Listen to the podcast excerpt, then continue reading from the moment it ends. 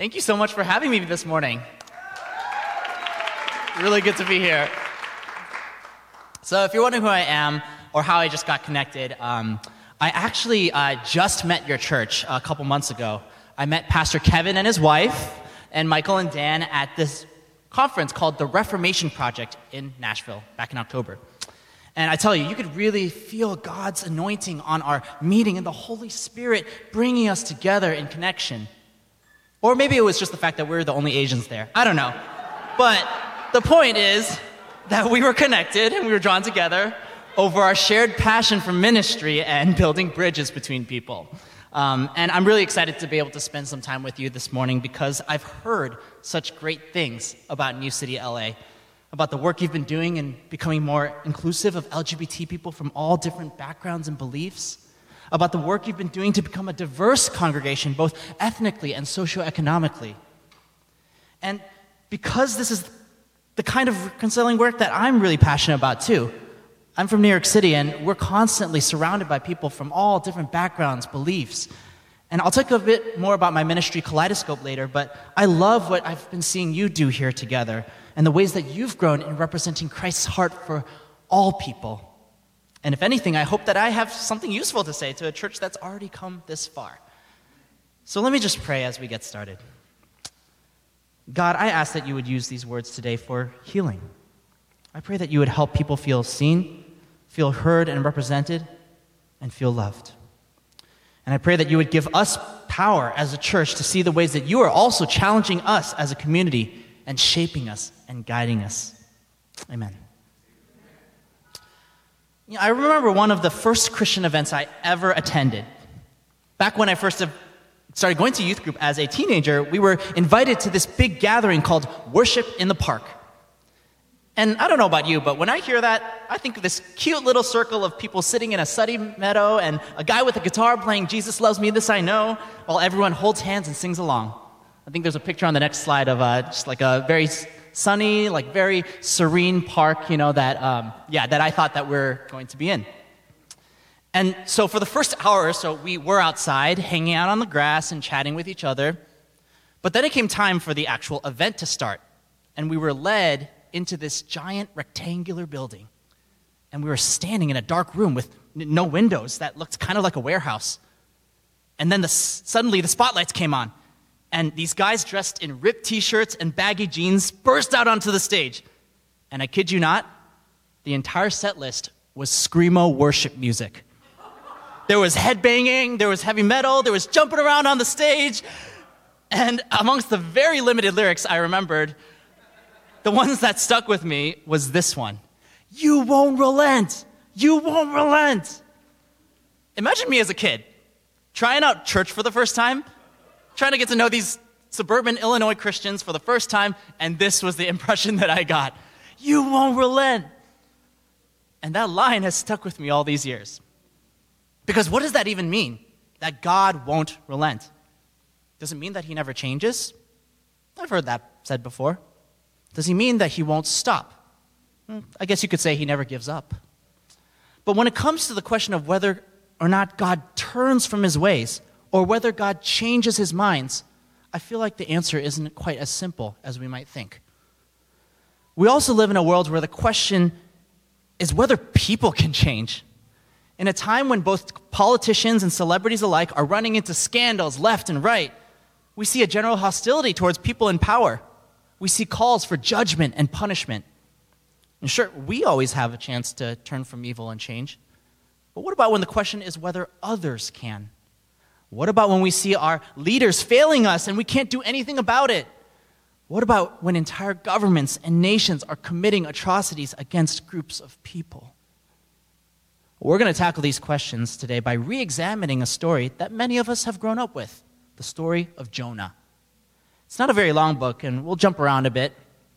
On the next slide, the very first couple of verses read The word of the Lord came to Jonah, son of Amittai Go to the great city of Nineveh and preach against it, because its wickedness has come up before me.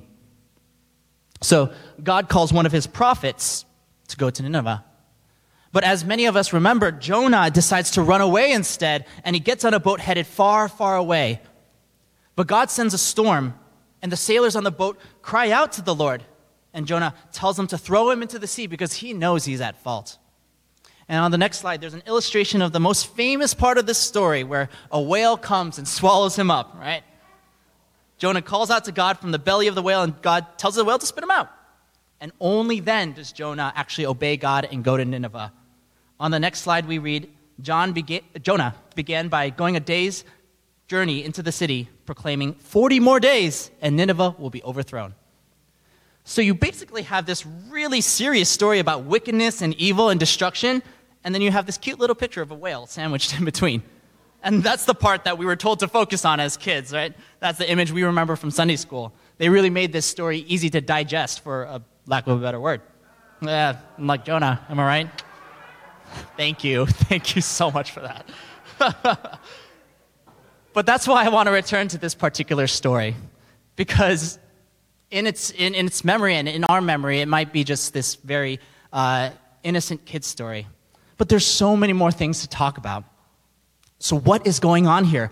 Why does Jonah, this prophet who's supposed to be a holy man of God, run away and cause so much trouble for everyone? One thing is clear throughout the story Jonah does not like the Ninevites. So, who are these people? And why did Jonah hate them so much? On the next slide, you can see there are three possible reasons. The first is personal. Uh, it says that the Ninevites were a wicked people, and some scholars believe that the Ninevites killed some of Jonah's brothers, maybe his close friends and relatives.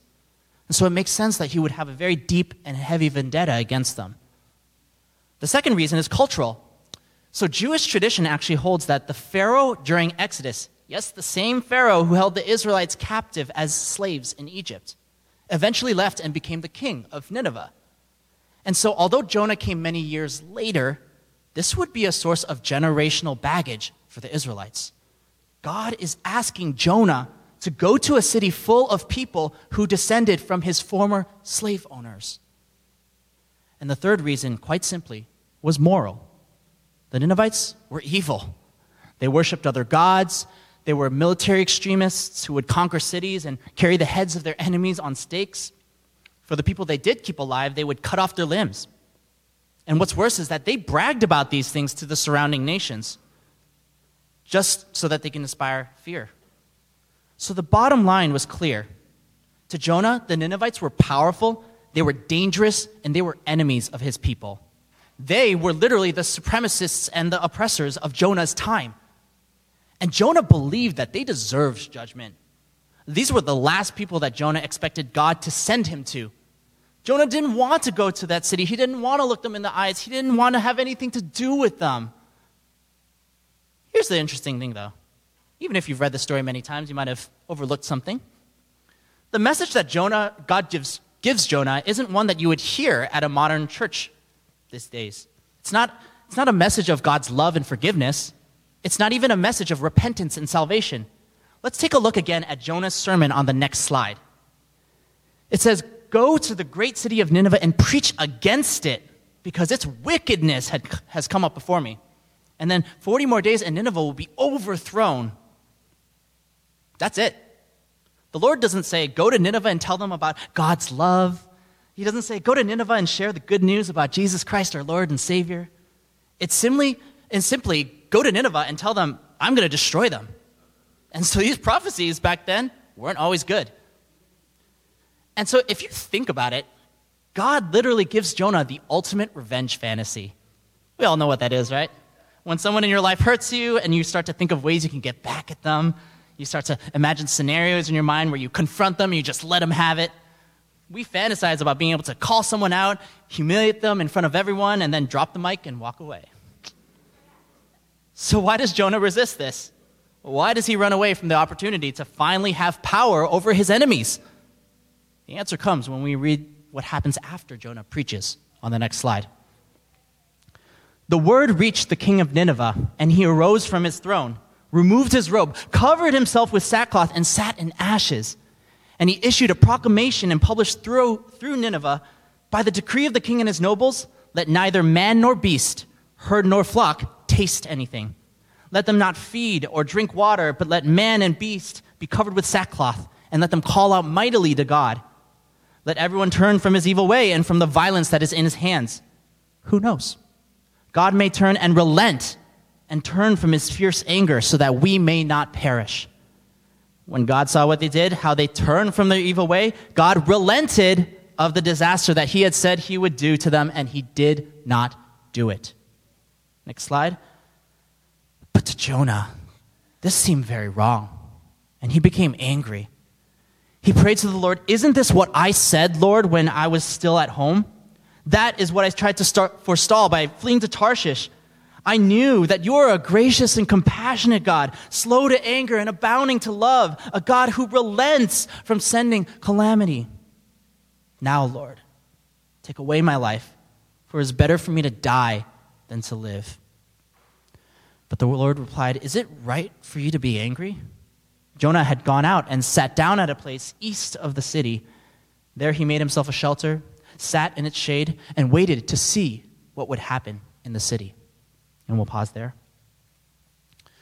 This is why Jonah didn't take advantage of his revenge fantasy. He knew what would happen when we reached Nineveh. He knew they would turn and repent from their evil ways, and that God would turn and relent from the disaster he had planned. Jonah knew that his obedience meant forgiveness for the Ninevites. And this is unheard of. We live in a time of justice and accountability. How could God forgive an entire nation that was built on genocide? How could God dismiss the actions of a group of people who institutionally set out to have power over others? I don't even have to mention how this might make us think about some of the issues happening in our world right now. How could God excuse their past just because they said they were sorry, especially when they only do it because they got caught and they want to save themselves? Sometimes I feel like God is in a toxic relationship. You ever think about that? On the next slide, it's just an illustration. We all have a friend in our lives like this, right? They're dating this really messed up guy, someone who has a ton of unhealthy behaviors. And what does our friend say? But I still love him. He has so many red flags, but I still love him. He always cheats on you and he gaslights you, but I still love him. He doesn't drive an EV, but I still love him. Just kidding. But that's what we hear about when we think about God's love, right? But I still love him. I can fix him. It's like, God, what are you doing? Is that really what you want? For your people to continue hurting you over and over again? Get out of that toxic relationship. This story would not be a very popular one nowadays because it means believing that the people in power and the institutions behind them can actually change. And we don't like to be told that. Sure, we'll accept if it happens, but to be told that it will is offensive to us. It's much easier to paint broad strokes and condemn them. It's much easier to say that all white people are like this, or all men are like this, or all politicians are like this. It doesn't even have to be a wider systemic issue. For many of us, it can be something that hits much closer to home. A couple years ago, a friend of mine reached out to me late at night after a fight he had with his dad. They already have an estranged relationship. His father has been divorced twice and now lives alone. Well, the way his dad spoke to him on this particular night was just so horrifying and so vile. I won't share the messages he forwarded to me, but the language was so extremely graphic. He said things a father should never, ever say to his kid. The kind of stuff that scars a child, stays with them that gets, when they get older, and the kind of stuff that shames and traumatizes someone. And it broke my heart to see that. To see someone so tossed aside by his own father, someone who couldn't help but fight back with any low blow that he could find. This is what makes Jonah one of the most relatable prophets. It's what makes him the most human. Because many of us, like Jonah, can't bring ourselves to believe that our enemies can change. When we've been hurt, our natural instinct is to either hit back or run. We don't want to be in relationship anymore. We want to cut them off. Like Jonah, many of us even sit at a distance, watching and waiting for their destruction to come. Maybe we follow them on social media and pray that they would mess up, say something self incriminating, do something that would get themselves canceled. You know, we prefer to have a limited view of others. You know, we prefer to put people in a box. It's just easier that way, isn't it? It's, it's like if we can have a separate corner of our minds for this person, if we, if we can put them where we can see them and keep an eye on them, then maybe we can deal with them better. If we can throw them into a pit, maybe then we'll be able to cope with what they did to us. But whether it's a box or a corner or a pit, the part that's hardest to deal with is when they go against our expectations, when they actually make a good point in an argument, when they demonstrate that they actually can do good things, when they actually experience God's love and change. And that doesn't make sense to us. Judgment makes sense to us, punishment makes sense to us. But having mercy on our enemies, especially those in power, forgiving those who use their platforms to marginalize and persecute people, it's, it's scandalous. How is that fair? How is that true justice? Make it make sense. And it's no wonder why Jonah was so angry. Let's finish the story on the next slide. Then the Lord God provided a leafy plant and made it grow up over Jonah to give shade for his head, to ease his discomfort, and Jonah was very happy about the plant. But at dawn the next day, God provided a worm, which chewed the plant so that it withered. When the sun rose, God provided a scorching east wind, and the sun blazed on Jonah's head so that he grew faint. He wanted to die and said, It would be better for me to die than to live. Next slide. But God said to Jonah, Is it right for you to be angry about the plant? It is, he said, and I'm so angry I wish I were dead. But the Lord said, You have been concerned about this plant, though you did not tend it or make it grow. It sprang up overnight and died overnight. And should I not have concern for the great city of Nineveh, in which there are more than 120,000 people who cannot tell their right hand from their left, and also many animals? What is God doing here? As Jonah sits outside of the city and watches, hoping his enemies won't repent and they will be judged and they will be destroyed, God asks Jonah to relent. God asks Jonah to love his enemies. And God asks Jonah to play a part in the redemption and the restoration of his oppressors. That's how the story ends. There's no happy ending, there's no resolution. It ends on this question. It's a question to Jonah, it's a question to us. And I've been asked to do this in my life as a gay pastor. In this case, it's even more complicated because the people I've been called to believe in are the people of God themselves. As I mentioned earlier, I work with a ministry in New York City called Kaleidoscope, which you can see on the next slide. We seek to build bridges between faith and LGBT communities and to create spaces for sexual and gender minorities to pursue Jesus. Part of this involves going to LGBT neighborhoods and bars to connect with people outside of the church leading Bible studies specifically for LGBT individuals, and also equipping pastors and parents with an understanding of LGBT issues. So you can see a picture from each of these activities that we do. And I want to focus on the last one today the training for pastors and parents. Because as a ministry that is by and for LGBT people, led by LGBT people, a lot of that involves having to work with some of the very people who have hurt us. A lot of that involves having to go to the very places that might have been traumatizing or triggering to us, hearing language that might be uninformed or outdated, and ultimately risk being rejected all over again. I can't tell you how many times I've heard a pastor say something ignorant about LGBT people. I can't tell you how many people I've seen crossing their arms, shaking their heads. Because when it comes down to it, Christians have also given three reasons for the world to hate them. There have been moral failures where churches silence, exclude, and inflict violence on LGBT people. Christian parents disown and kick their LGBT children out, all in the name of Jesus. There have been cultural factors where Christians decide that fighting political wars is more important than loving the least of these. There are ways that people villainize those struggling with gender identity or turn real humans into cultural ammunition for their agenda. And there are personal reasons as well. I've had many friends who have been dismissed and traumatized by their Christian organizations, friends who have been put through conversion therapy in order to fix themselves, friends who have gone on to take their own lives after years of loneliness and depression. And I remember my own story of being fired by a church after they found out about my sexuality.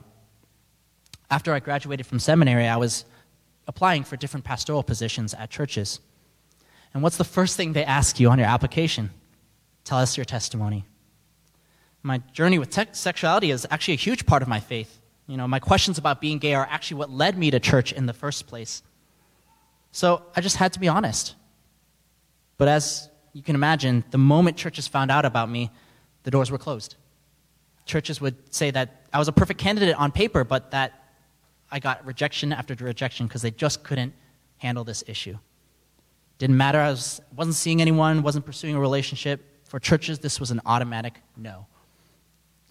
Finally, I did find a church that brought me on as their youth pastor, and I was serving there for a few weeks. But once the parents found out about my sexuality, word sped, spread throughout the church.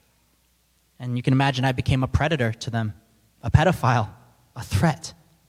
Parents started to pull their kids from the youth group, and I was shut out of all their conversations and eventually their decision to let me go.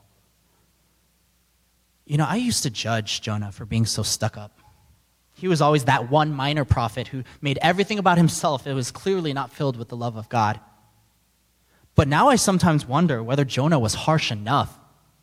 When I see all the reasons that he had to hate the Ninevites, when I see how poorly they treated the Israelites, God's chosen people, I get it. I get why he was so distressed.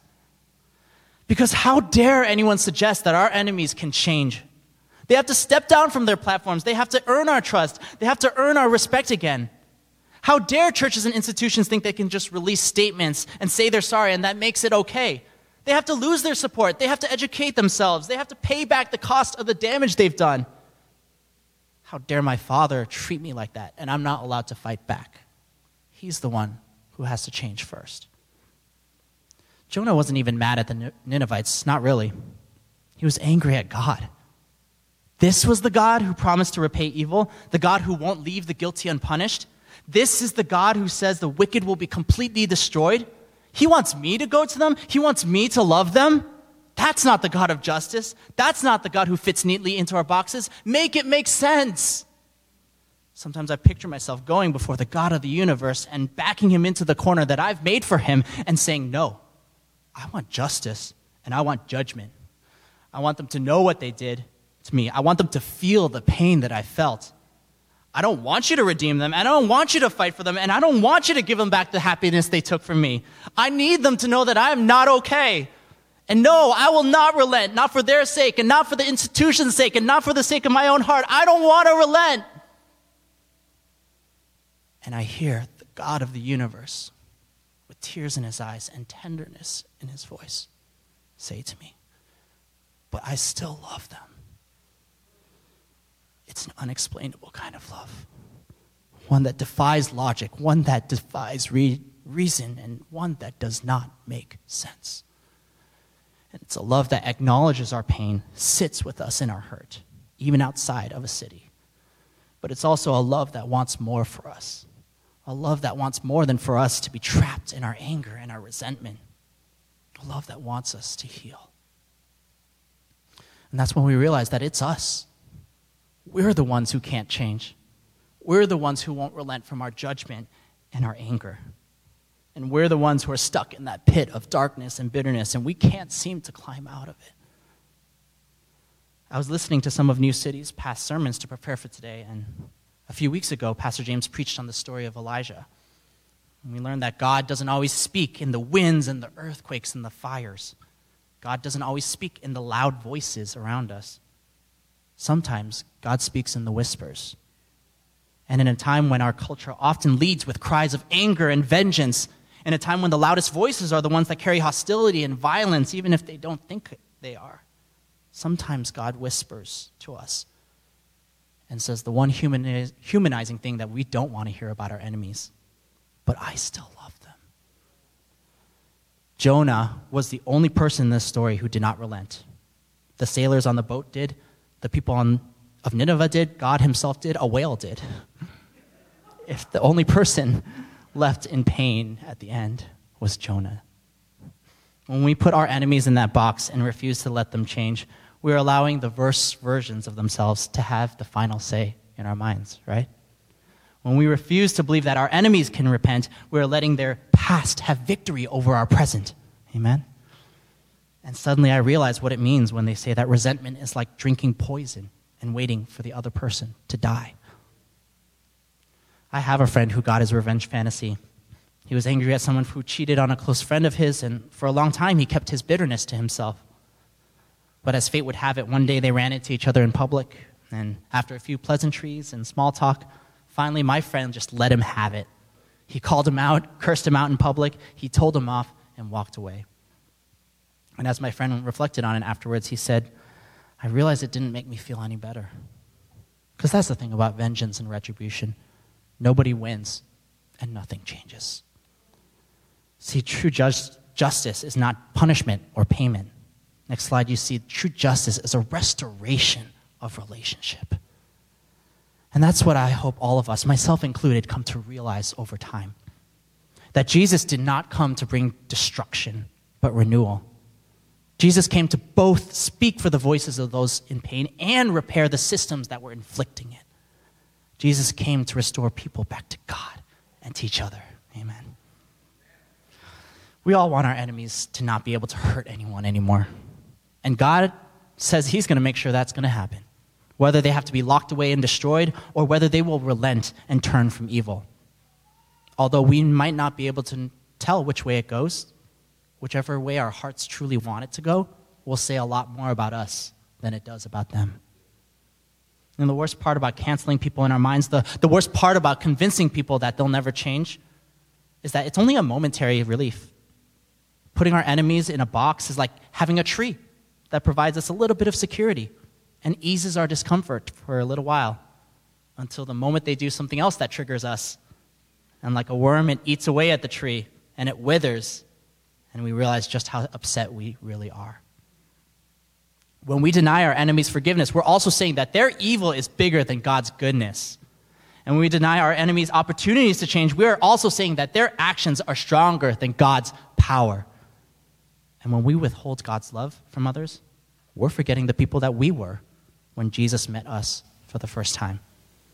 Only radical love can lead to radical repentance. Amen. Jesus came to offer our enemies what he offered us forgiveness and restoration and power. I hope we realize just how much power there is in forgiveness. It means that we have the ability to both bear the cost of what others have done and also the power to let go of it. And I hope we realize just how much power there is in praying for our enemies because it means that we are welcoming divine strength to do its work in places where the world needs it the most, places where even we can't go. Today, I just want us to heal. I'm not saying we should be friends with people who continue hurting us. I'm not saying we should stand with the enemy or support this or that. There's so much language around that these days. And I'm not saying we shouldn't continue to challenge our institutions and hold our leaders accountable. Those things will come. And I wish I could give all the easy answers and solutions now.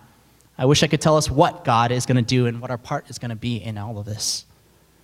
But that's not what this sermon is about today. That's not even what the book of Jonah is about, right? The book of Jonah is about how we will respond when God calls us to play a part in the redemption and restoration of our oppressors. True justice will come. And I know that we at New City will talk about it. But today, I just want us to heal. Because there's a hurt within us, there's an unforgiveness, that prevents us from believing that things can get better. There's a resentment that prevents us from praying over our enemies and inviting the power of God, whose image each and every one of us bear. And there's an anger and a rage that waits for our enemies to be wrong so that we can be right. And that is killing us. It makes us wish we were dead. And God doesn't want death for us, God wants life. On the next slide, the last slide, you can see just how lonely Jonah's tree was. Jonah was so focused on himself that he let a tree mean so much to him. For Jonah, not having it meant that he would rather die than live. But there is somebody for whom a tree actually meant death. There is somebody who was condemned and sentenced to be hung from that tree. Jonah probably didn't die that day outside the city, but Jesus did. Jonah sat beneath a tree outside a city, hoping for its destruction. Jesus hung upon a tree outside a city, praying for its salvation. And what was his prayer as he was being nailed to that cross? Father, forgive them, for they don't know what they're doing. And it was on that tree that Jesus died for the sins of the world because he believed that you and I could change. He believed that you and I could relent. That is the love that God has for you. It's the love that God has for me. And it's the love that God has for our enemies. Let's pray.